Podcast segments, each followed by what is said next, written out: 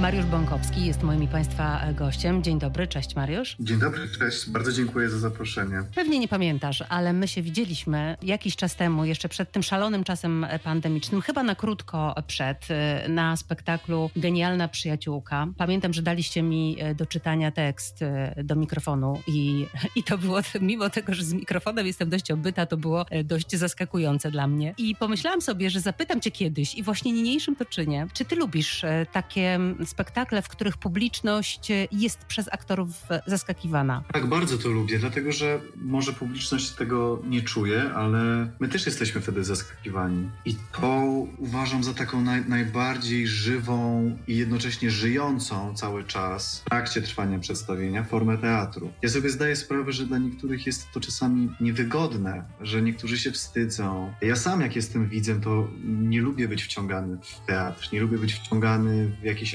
akcje, więc to rozumiem, ale naprawdę, kiedy jestem po tej drugiej stronie, to są najfajniejsze momenty w teatrze dla mnie. A ta publiczność, która, tak jak mówisz, nie za bardzo lubi, no bo trochę musi znaczy, się wykazać, bo nagle staje się częścią spektaklu. Tak, tak, to znaczy to nie jest reguła, że publiczność nie lubi, bo zdarzały nam się przedstawienia, e, w których ta, ta wymiana i ta rozmowa między nami a widownią była naprawdę fenomenalna. I wszyscy się po prostu wtedy dobrze bawiliśmy, bo, bo te przedstawienia, o których myślę też e, nie są jakieś śmiertelnie poważne, podejmują ważne tematy. Rozmawiamy o takim żywym teatrze, kiedy wy zaskakujecie publiczność tym, że nagle wywołujecie trochę do, nie chcę powiedzieć do odpowiedzi, ale do jakiejś reakcji, prawda? I mhm. e, ja też byłam w takiej sytuacji i, i mówię, że to, to jest stresujące, ale zastanawiam się, czy jak wy patrzycie na nas, na publiczność i właśnie dokonujecie takich różnych zabiegów, e, to czy na przykład widzicie, że nie wiem, ludzie się tak jak wiesz, jak, jak w klasie dzieci chowają do ostatniej ławki nagle, uciekają, albo nie wiem, albo jakieś wpadki wam się zdarzyły w czasie takich e, sytuacji, albo musieliście przeformułować kompletnie spektakl, bo ktoś no, zrobił taką rzecz, że trzeba było e, dodać 10 minut e, takiego spontanicznie mówionego tekstu. Nie, akurat żeby trzeba było dodać aż 10 minut tekstu, czy żeby jakoś wszystko wywrócić do góry nogami, to się nam nie zdarzyło, ale zdarzały się sytuacje, że na przykład jeden z widzów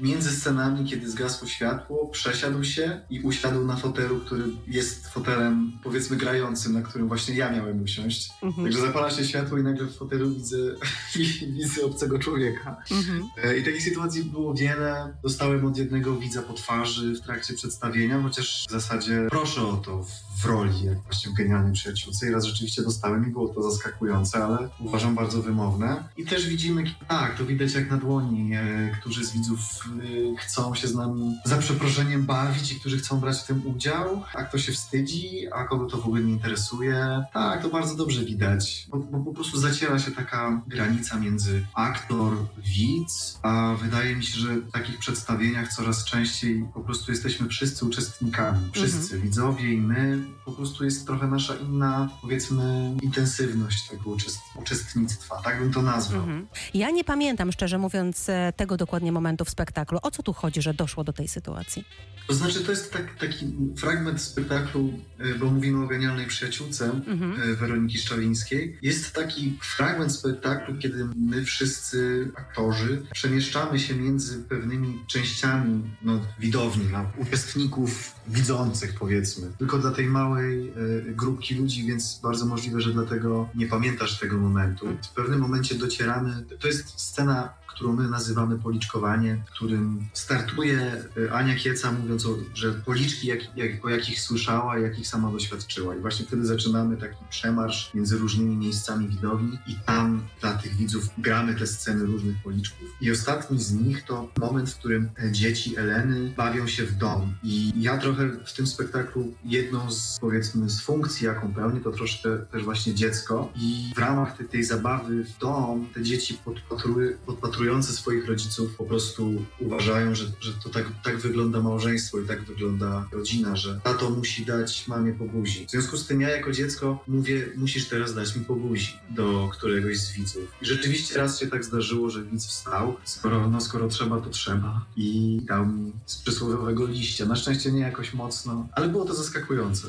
Co ty wtedy sobie pomyślałeś? Jak zareagowałeś na to? Trzeba było dalej grać? No, okej, okay, no, doceniłem odwagę tego, tego człowieka. Nie wiem, nie wiem, na ile to było z, z, jego zaangażowania w to przedstawienie, a na ile po prostu może, może chciał już skończyć to przedstawienie, może się źle czuł na nim była pewnego rodzaju kara albo przyspieszenie y, akcji, ale no, wymaga to na pewno dużej dozy odwagi, żeby w takiej sytuacji po prostu wstać i spoliczkować drugą osobę. Także to przede wszystkim doceniłem, doceniłem odwagę i uważam, że też no, to dało troszkę inną puentę. Zazwyczaj ludzie, kiedy słyszą ten komunikat, są dosyć wystraszeni, nie za bardzo wiedzą, co ze sobą zrobić, albo przytakują ze smutną miną, albo się śmieją ze, znaczy ze mnie, no jakby z, z tej sytuacji. Natomiast tutaj gentleman faktycznie po prostu wstał, podszedł te dwa kroki, e, zrobił co miał i, i usiadł z powrotem. A przeprosił potem?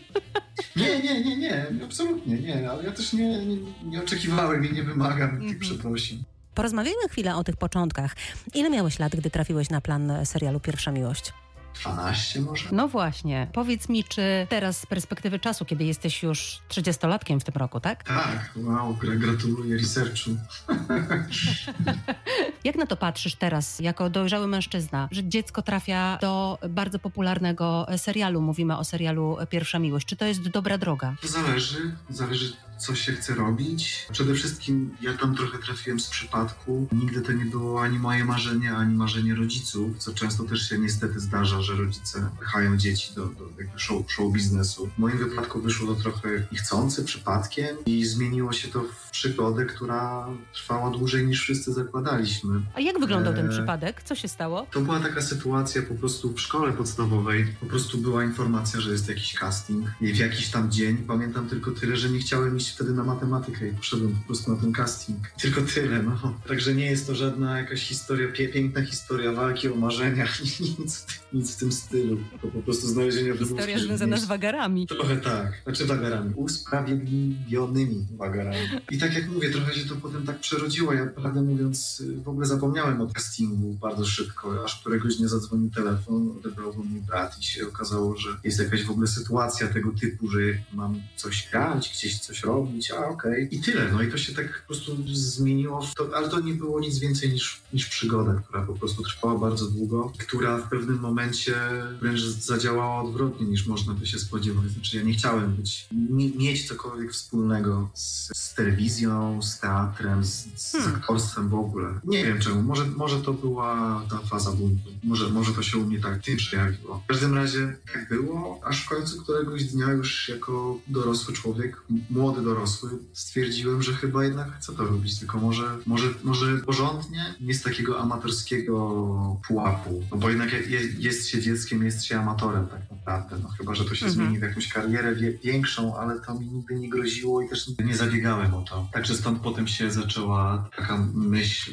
pojawiła się we mnie myśl, żeby spróbować dostać się do szkoły teatralnej. No i dostałeś się i aktorem jesteś, ale y, wiesz co, jak się odbywa taka pomoc zawodowa na planie? Masz zawodowych aktorów, ty masz 12 lat. Jak oni instruują cię, jak reżyser to robi, żeby grać? Kurczę, nie pamiętam jakiegoś uczenia. Nie wiem. Pamiętam tylko, że wszyscy byli bardzo mili i wyrozumiali i każdy po prostu, kto mógł i kto się na tym znał, próbował wytłumaczyć, e, jak zrobić, żeby, żebyśmy szybko skończyli. Sprawnie nagrali dobrą scenę. Gdzie jest kamera, na co uważać, tutaj nie możesz wejść, bo tutaj coś. Aha, okej, okay, dobra, tu ci nie masz, nie jesteś w świetle. A, rzeczywiście, nie jestem. Na tej zasadzie zasadzie. Wydaje mi się, że też w jakiś sposób pomogło mi to, że ja nigdy nie czułem się tam jakimś dzieckiem, żeby mnie, mnie ktoś za rękę prowadził, czy właśnie uczył. Mhm. Znaczy uczył mnie konkretnych rzeczy, żebym je zauważał na planie. No chyba tak, wydaje mi się, że byłem traktowany jak dorosły, tak mhm. powiem. Więc to chyba, to, to, nie wiem, nie zastanawiałem się nad tym nigdy, szczerze mówiąc. A jak ciebie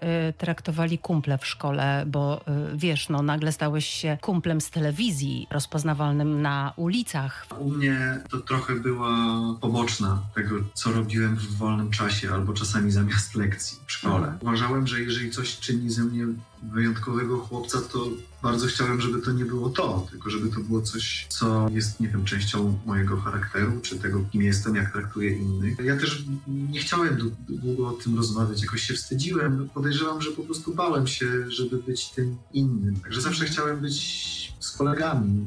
Rozmawialiśmy o Twoich początkach, kiedy jako dziecko zacząłeś grać w serialu Pierwsza e, Miłość. A co teraz porabiasz e, w tym dziwnym pandemicznym czasie? No, w dalszym ciągu jestem w zespole aktorskim Wrocławskiego Teatru Współczesnego i teraz akurat jestem w Szczecinie, gdzie pracujemy w koprodukcji z Teatrem Współczesnym tutaj w Szczecinie nad przedstawieniem Kongres Futurologiczny na podstawie Stanisława Lema w reżyserii Agnieszki Jakinia. Mhm. Co tam, e, Dzisiaj, dzisiaj kogo grasz? generalne. Gram futurologa, futurolog Mariusz Bąkowski. Mhm. Czy, czy wrocławianie będą mogli spektakl również zobaczyć, skoro to jest koprodukcja? Ym, Oczywiście, że ja- tak. Oczywiście. Mamy premiera we Wrocławiu 17 kwietnia, o ile oczywiście teatry będą otwarte. Mało tego, ja w ogóle zachęcam widzów obu teatrów, żeby jeździli między miastami, bo przedstawienie będzie wyglądało trochę inaczej w Szczecinie O. trochę inaczej we Wrocławiu. A możesz zdradzić trochę? Nie, chyba bym nie chciał, no bo bym zdradził, czym się będzie Mhm. różnić.